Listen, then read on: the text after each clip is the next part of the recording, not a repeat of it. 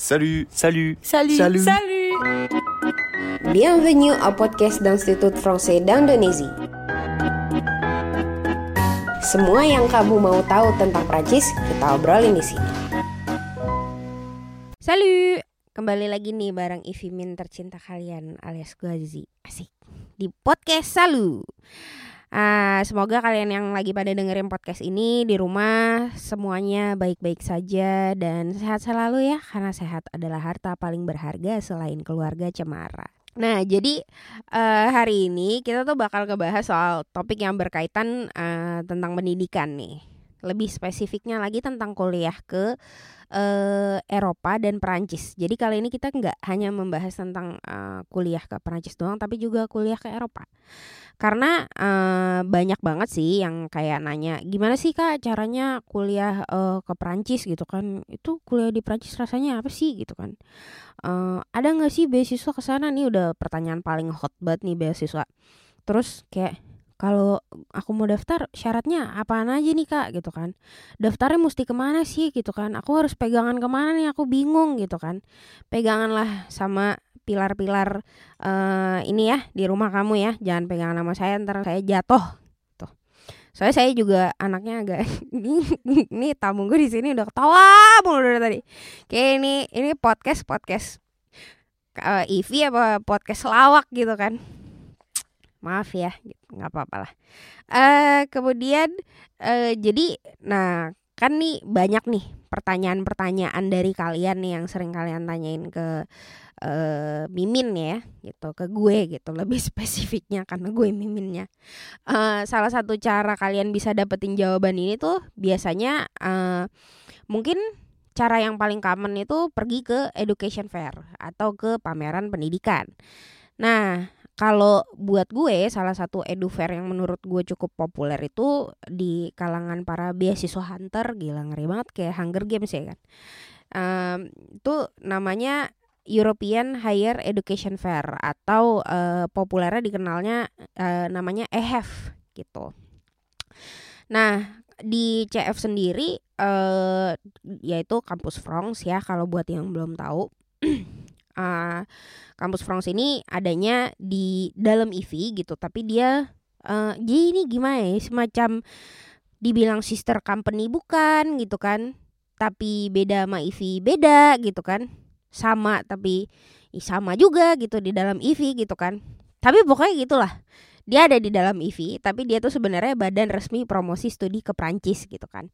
Nah yang si CF sendiri tuh juga udah lumayan lama ada di EHF juga gitu ikutan pameran di EHF.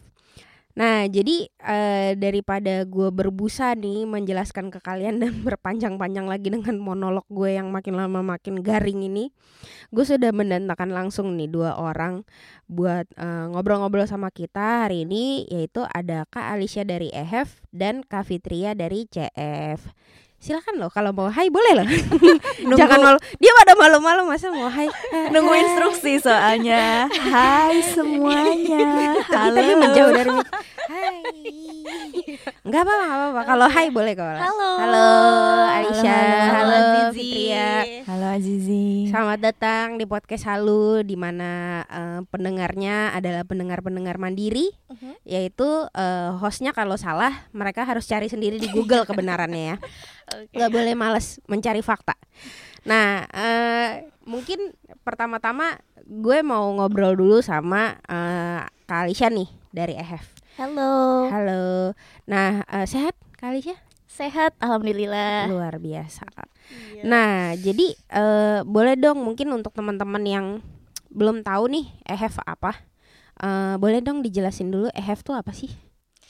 Iya, oke. Jadi EHF itu em, singkatan dari European Higher Education Fair.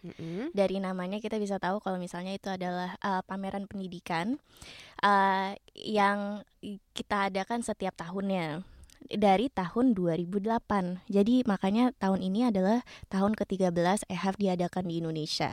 Udah lama ya? Udah lama, Oke. sis. Jadi itu setengah umur aku lebih dikit. Enggak ada yang setengah umur. Eh aku udah lebih tua deh, sorry sorry. lupa Gak umurnya. apa-apa gak apa-apa lupa uh Nggak lupa apa-apa, uh nggak apa. ya udah pokoknya kita emang udah lama banget di Indonesia dan Mhm. kita em, udah mengirimkan banyak sekali mahasiswa yang berhasil untuk kuliah di Eropa mewujudkan impiannya untuk em, mempunyai pendidikan lebih baik dengan kualitas dan standar Eropa. Jadi we are very grateful to be here and still doing what we love to do. So um, yeah, this year is pretty much the same. Mm-mm. Eh, dari tahun lalu karena Mhm. pandemi kita itu semuanya diadakan secara virtual Oke untuk menjaga kesehatan dan keselamatan teman-teman dan Mm-mm. eksibitor saya juga. Mm-mm. Tahun ini kita akan kedatangan 85 higher education institution Mhm. dari berbagai uh, member states uh, dari Eropa, Uni Mhm. Eropa dan juga 14 uh, embassies juga akan uh, participate di acara kita secara virtual gitu.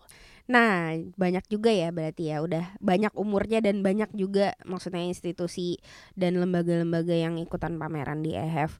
Nah, terus boleh dong eh, Kak Alicia ceritain eh, dulu tuh EHF bisa ada tuh gimana sih ceritanya kan udah 13 tahun nih udah lumayan lama kan gitu. Mm-mm. Dan kalau kalau buat gue sih mungkin yang cukup ta- eh, maksudnya udah tahu EHF dari lumayan lama, udah pernah lihat EHF pas versi offline-nya gitu kan. Mhm. Ramenya kayak apa Udah gitu. pernah ke EHF? Udah, udah pernah.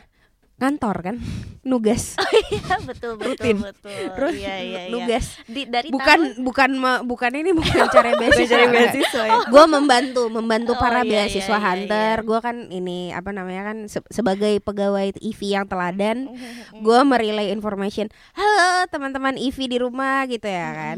Ini ada EHF loh gitu, lu harus datang kemari gitu kan. Langsung habis itu tang ting tung tang ting tung tang ting tung. Selayaknya Ivimin ya. Iya betul. Eh, nah jadi boleh dong diceritain nih dikit. Eh, EHF tuh awalnya bisa ada EHF tuh gimana sih? Jadi eh, EHF eh, semenjak 2008 itu adalah sebenarnya produk eh, konsorsium dari European Union di Indonesia dan em, Brunei Darussalam dan eh, sebuah kayak organizer di Indonesia yang bisa buat event-event ini eh, di oh, eh, ya, secara annually gitu. Em, mungkin eh, kenapanya bisa dilihat dari potensi em, masyarakatnya sendiri ya. Jadi mahasiswanya itu kan kita punya eh, kita punya sendiri kualitas eh, universitas yang juga bagus gitu loh. Pastinya eh, mahasiswa yang di Indonesia punya eh, lebih banyak aspirasi untuk eh, mendapatkan eh, pendidikan yang lebih ba- baik lagi di luar negeri segala macam. Jadi menurut aku eh, kenapanya well I think eh, they knew that we have a lot of potential to bring development even more to uh, the Indonesian higher education gitu loh. Jadi lebih um, ngelihat potensi marketnya sendiri sih menurut aku. Nah jadi eh, ini kalau cerita ini gue baru tahu nih maksudnya awalnya bagaimana EHF bisa kejadian gitu ya. Oke kita kan tadi eh, kita udah bahas maksudnya sekilas tentang EHF itu apa. Maksudnya eh, EHF itu ya education fair gitu loh. Tapi kalau misalnya kita ikut EHF sendiri, eh, informasi apa aja sih yang bisa kita dapetin like em, apakah cuman sekedar informasi tentang kampus-kampusnya aja atau misalnya ada informasi tentang beasiswa atau apa aja nih? Mhm. Oke, pastinya kalau misalnya EHF itu spesifik ke em, universitas dan embassies yang ada di Uni Eropa. Eh, apa aja yang bisa didapatkan dengan participating in EHF itu tuh eh, pastinya informasi yang mendalam mengenai universitas, terus udah gitu program studi, terus udah gitu eh, bagaimana kotanya, negaranya, living eh, situationnya di berbagai negara Uni Eropa. Dan pastinya on top of everything itu adalah scholarship. Jadi kalau misalnya kalian eh, masih mikir-mikir mungkin eh, mau eh, kuliah lagi nggak ya? Atau misalnya fasenya udah beda. Udah tahu mau ngambil apa udah tahu kira-kira em, mau eh, degree-nya tuh seperti apa tetapi nggak tahu mau kuliahnya di mana. Nah itu juga bisa eh, participate di EHF karena eh, jawaban-jawaban yang kalian mau eh, kayak kalian bisa temukan di EHF karena bisa langsung ngomong sama uh, official representatifnya bisa nonton seminarnya. Dan juga kita punya uh, beberapa fitur yang memudahkan untuk mendapatkan informasi-informasi itu gitu. Jadi nggak harus orang-orang yang kayak uh, punya uh, apa ya kayaknya nggak nggak nggak spesifik lah. As long as you have curiosity about studying uh, abroad in Europe maybe or anywhere else in the world please just I encourage you just try it out. Uh, be be present. Karena kalau misalnya kalian miss this chance ya yeah, it's like you won't get anything from what potentially could be beneficial for you gitu berarti emang uh, informasi yang didapetin sendiri sebenarnya lumayan lengkap ya gitu bukan lumayan lengkap emang udah lengkap coy gitu kan mm -mm. jadi dari mulai uh, mungkin inform uh, dari mulai informasi tentang pendaftaran terus kemudian kayak uh, informasi kayak tadi ada beasiswa juga kemudian uh, apa namanya uh, habits kehidupan di sana mm -hmm. seperti apa dan lain-lain yeah. yang iya. kayak gitu ya. Dan, Aku mau add juga sih mm -hmm, sebelumnya. Boleh boleh. Jadi mungkin orang-orang tuh uh, yang baru pemula untuk uh, mencari tahu mau kuliah di mana di Eropa gitu dan kayak sebenarnya uh, fundingnya memerlukan scholarship. Mungkin EHF tuh salah satu tempat yang paling bagus untuk mencari tahu itu. Karena uh, mungkin kalian nggak tahu ya karena uh, banyak banget beasiswa yang available buat uh, mahasiswa Indonesia. Itu satu yang source-nya aja tuh beraneka ragam. Ada yang dari government ada yang langsung dari universitas ya ada atau enggak ada yang dari lembaga lain gitu. Nah mm -hmm. misalnya Prancis sendiri nih um, nanti mungkin Mbak Fitria bisa kayak elaborate a little bit more about this. Mm -hmm. uh, tapi aku um, udah pernah ngobrol sama Mbak Fitria juga jadi aku tahu lah kalau misalnya di Prancis di governmentnya sendiri tuh udah ngasih uh, beberapa opsi scholarship bentuknya yang beraneka ragam. Ada yang kayak partial ada yang full. Itu tuh un yang disesuaikan untuk jenjang masing-masing. Jadi nggak harus kayak master nggak uh, ada lagi yang PhD ada lagi yang khusus untuk um, certain uh, program gitu. Jadi mencari tahu datang ke sana dan uh, you will be surprised kayak mm. how many possibilities lay mm. before you uh, if you actually look gitu. Mm. So don't be discouraged kalau kalian emang pingin kuliah lagi di Eropa atau mau memulai kuliah di Eropa, definitely just check it out karena pasti kalian um, dapat sesuatu yang mungkin kalian nggak tahu sebelumnya. Mm -mm. Oke, okay, jadi uh, buat teman-teman di rumah yang mungkin uh, lagi apa ya bingung nih sebenarnya ya gitu kan. Lebih untuk ke teman-teman yang kayak bingung aduh gue pengen kuliah ke luar negeri tapi gimana nih? Gitu kan nyari fundingnya gitu kan. Nah itu sebenarnya kalian bisa banget ke EHF dan kayak tadi yang Alicia bilang uh, banyak hal yang uh, mungkin bisa mengejutkan lo gitu ketika lo sampai sana bahwa ternyata tuh oh banyak ya hmm. ternyata gitu loh beasiswa buat orang Indonesia yeah. gitu kan hmm. opsinya beragam dengan pilihan negara juga yang beragam hmm. dan pilihan universitas yang pastinya juga banyak hmm. gitu kan nah terus um, kalau untuk tahun ini sendiri uh, EF bakal diadainnya kapan nih kali bakal diadain di tanggal 12 sampai 13 November dari jam 2 siang sampai jam 6 sore. Nah, itu kalian bisa register langsung karena um, registrationnya udah open di, uh, di virtual.ehf.id. Nanti kalian tinggal masukin email, setup password nanti kalian tinggal login lagi di hari haknya uh, dengan email dan password yang sama and then you'll get access to it karena everything is free hmm. free 99 nah kan free loh yes. free kapan lagi ya kan mm -hmm. maksudnya dengan informasi sebanyak ini yang bakal kalian dapetin kalian bisa daftar di EHF gratis dan tadi ya jangan lupa ya tanggalnya itu 12 sampai 13 uh, November, November. Uh, dan uh, daftarnya di virtual .ehf.id. Oke, okay, virtual.ehf.id gitu. Iya. Azizi tahu nggak uh, ini mm. a little bit of fun fact yang mungkin orang-orang mm. tuh nggak sadar okay. bahwa kalau misalnya kuliah di Eropa itu ada beberapa opsi yang available yang sebenarnya harganya itu nggak jauh beda misalnya kalau misal kamu kuliah di Indonesia mm -hmm. karena uh, uh, ya yeah, what do you call it tuition Mm-mm. tuitionnya itu tuh Mm-mm. eh, memang jatuhnya akan lebih murah gitu Hmm, Oke. Ya makanya ini sebenarnya bisa conversation the whole day sih karena eh, ngomongin tentang tinggal benar. di sana, Ha. terus udah gitu tentang tuition, terus kayak possibilities untuk kayak kerja di sana juga, terus scholarshipnya pasti punya banyak pertanyaan.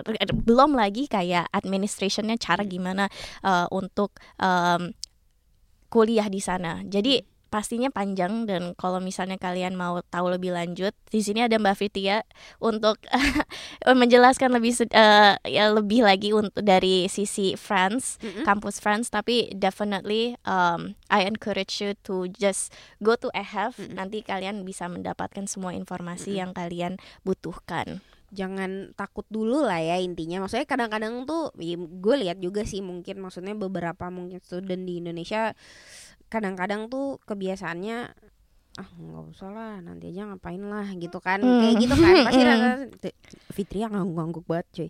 Terus ada gitu eh maksudnya kayak jangan jangan jangan jiper dulu nih gitu. Mm, mm. cobain aja dulu gitu. Betul, maksudnya lo tuh nggak tahu apa yang bakal lo dapetin kalau misalnya lo datang ke sana.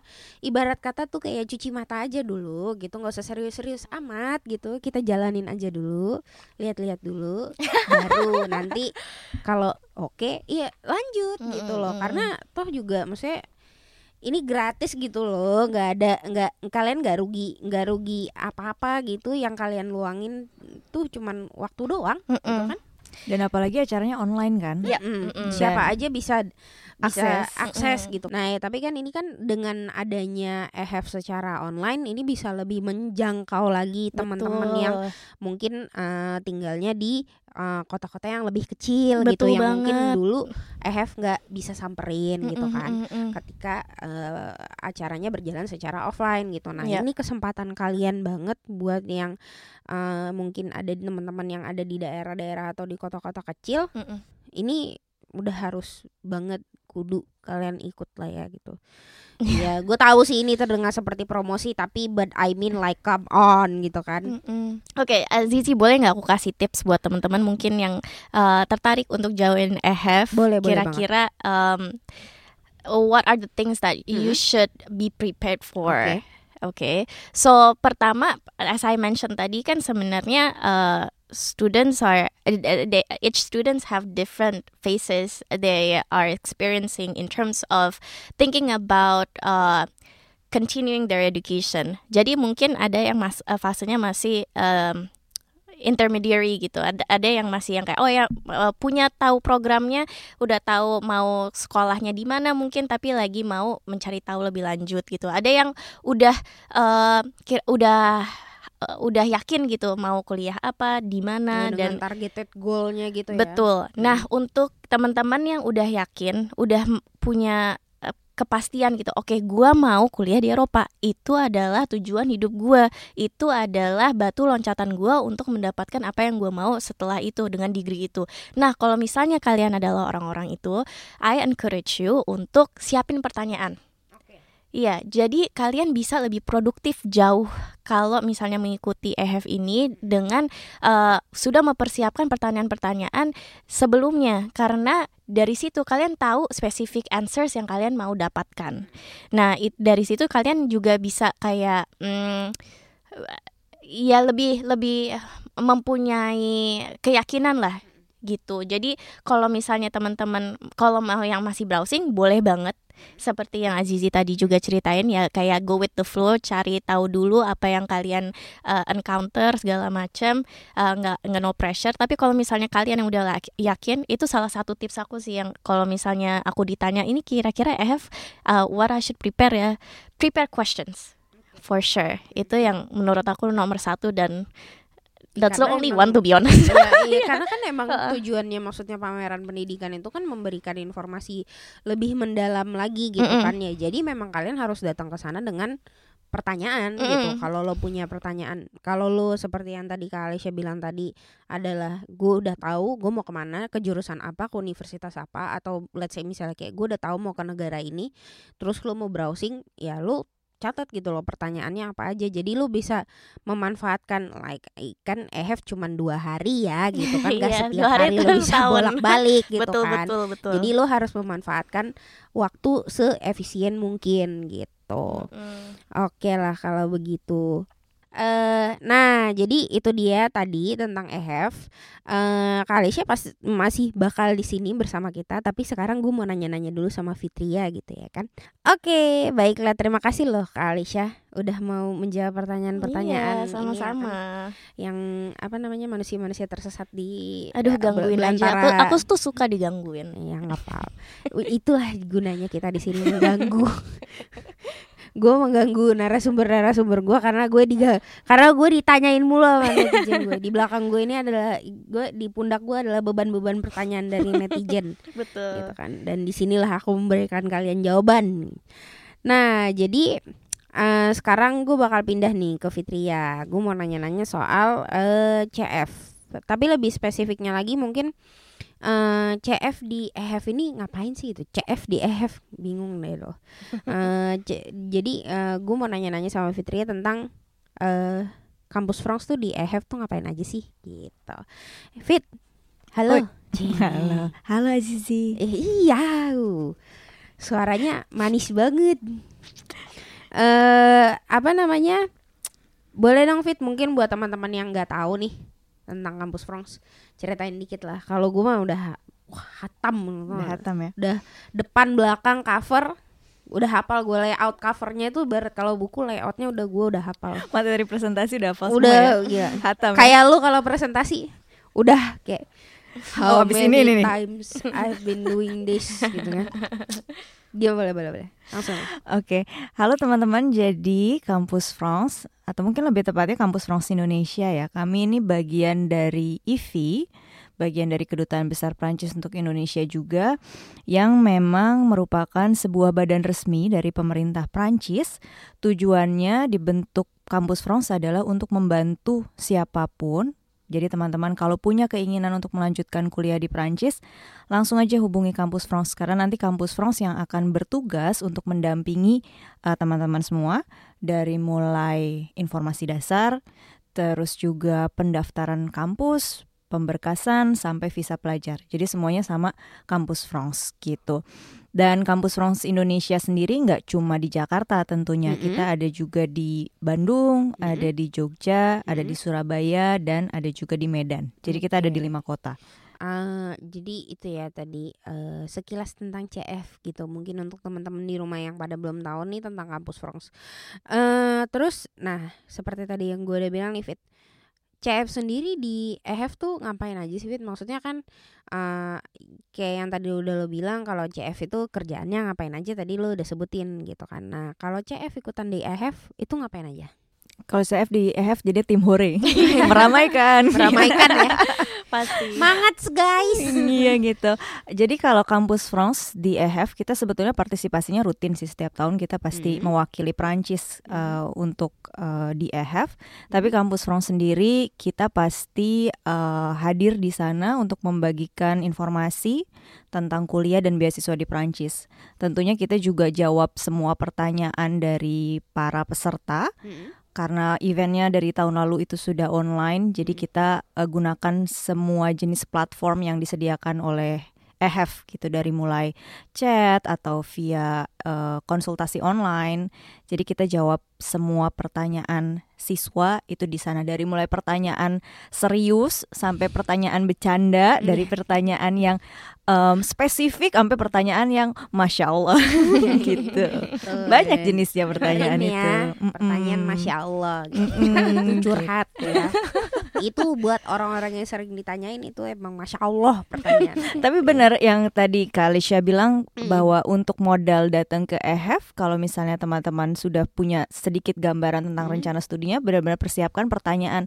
Sebetulnya nggak ada pertanyaan yang bodoh. Jadi Yes. jangan takut jangan takut untuk bertanya karena uh, kita insya Allah akan jawab tapi memang usahakan sebelumnya research dulu mm-hmm. gitu kayak misalnya uh, mungkin mau ke Prancis coba deh baca-baca sedikit dulu tentang mm-hmm. kampus France atau tentang kuliah di ikro Prancis penting ya guys ikro ikro gitu uh, atau baca juga seputar EHF mm-hmm. di websitenya yang sudah dibilang sama Kak Alicia supaya nanti pertanyaannya jauh lebih spesifik nggak usah bertanya yang udah ada di website mm-hmm. gitu gitu nggak muter-muter lagi nanyanya mm -hmm. gitu. Jadi kalian juga nanyanya dapat jawabannya pun juga puas gitu loh. Benar. Dan e, ibaratnya itu saat selain kita mempersiapkan diri itu juga termasuk salah satu tips untuk bisa mewujudkan rencana kuliah di luar negeri ya. Karena betul. Uh, faktor membaca dulu itu penting banget gitu. Kita harus dibiasakan untuk baca dulu Gak sebelum bertanya ya. uh -uh, yeah. gitu karena sebenarnya enak enakan nanya sih iya. karena jawabannya bisa langsung dapet gitu kan. Kalau kalian bisa lihat kepala gue dari tadi gue ngangguk-ngangguk doang. Sebadan badan lo ngangguk-ngangguknya aja sini bener. gue aja ikut ngangguk. Gitu. Jadi biasakan ikro dulu ya guys ya. Gitu. Dari ikro satu juga nggak apa-apa boleh. Gitu. Tapi yang penting ikro dulu gitu. Jadi sebelum kalian nanya pun ada baiknya kalian tuh research dulu gitu. Jadi kalian juga ketika nanya kalau lo nanya juga nggak research dulu tuh menurut gue juga kayak membingungkan sendiri karena lo jadi wondering gitu loh kayak gue mau nanya apa lagi ya? Mm-mm. apalagi yang mau gue tanyain gitu lo jadi bingung sendiri pada akhirnya padahal kayak ya ini kesempatannya terbatas cuma sebentar cuma dua hari nanti lo sendiri yang rugi gitu kan pada akhirnya Nah, terus kalau uh, kayak tadi kan uh, Fitri udah bilang CF uh, eh, kalau di EHF ya tentu aja pasti promo tentang apa namanya uh, menjawab pertanyaan kalian tentang studi ke Prancis ya gitu. Terus uh, nah selain tentang studi ke Prancis nih maksudnya kalian menjawab pertanyaan ke orang-orang yang atau student-student yang pada datang ke kalau ini kan virtual ya jadi gue bilangnya stand virtualnya CF mm. gitu um, ada nggak sih maksudnya selain CF kampus-kampus dari Prancis yang ikut ke di EHF gitu banyak tahun ini eh, itu ada sekitar 21 perwakilan kampus-kampus Prancis yang datang langsung secara virtual tentu aja yeah. di platform EHF gitu yeah, ya. Uh. Um, ada 21 kampus baik negeri maupun swasta, terus juga untuk berbagai bidang studi dari mulai ada teknik, terus kuliner dan industri kreatif, bisnis dan manajemen, sama ilmu sosial dan sebetulnya ada universitas dengan uh, berbagai macam jurusan juga. Jadi ini merupakan kesempatan yang baik sih untuk teman-teman bisa langsung berinteraksi sama perwakilan kampusnya supaya bisa langsung nanya secara spesifik tentang kampus itu. Jadi mungkin nanti di sesinya biasanya kita hmm, secara otomatis pembagian tugasnya itu jelas antara perwakilan kampus-kampus Prancis dengan kampus France.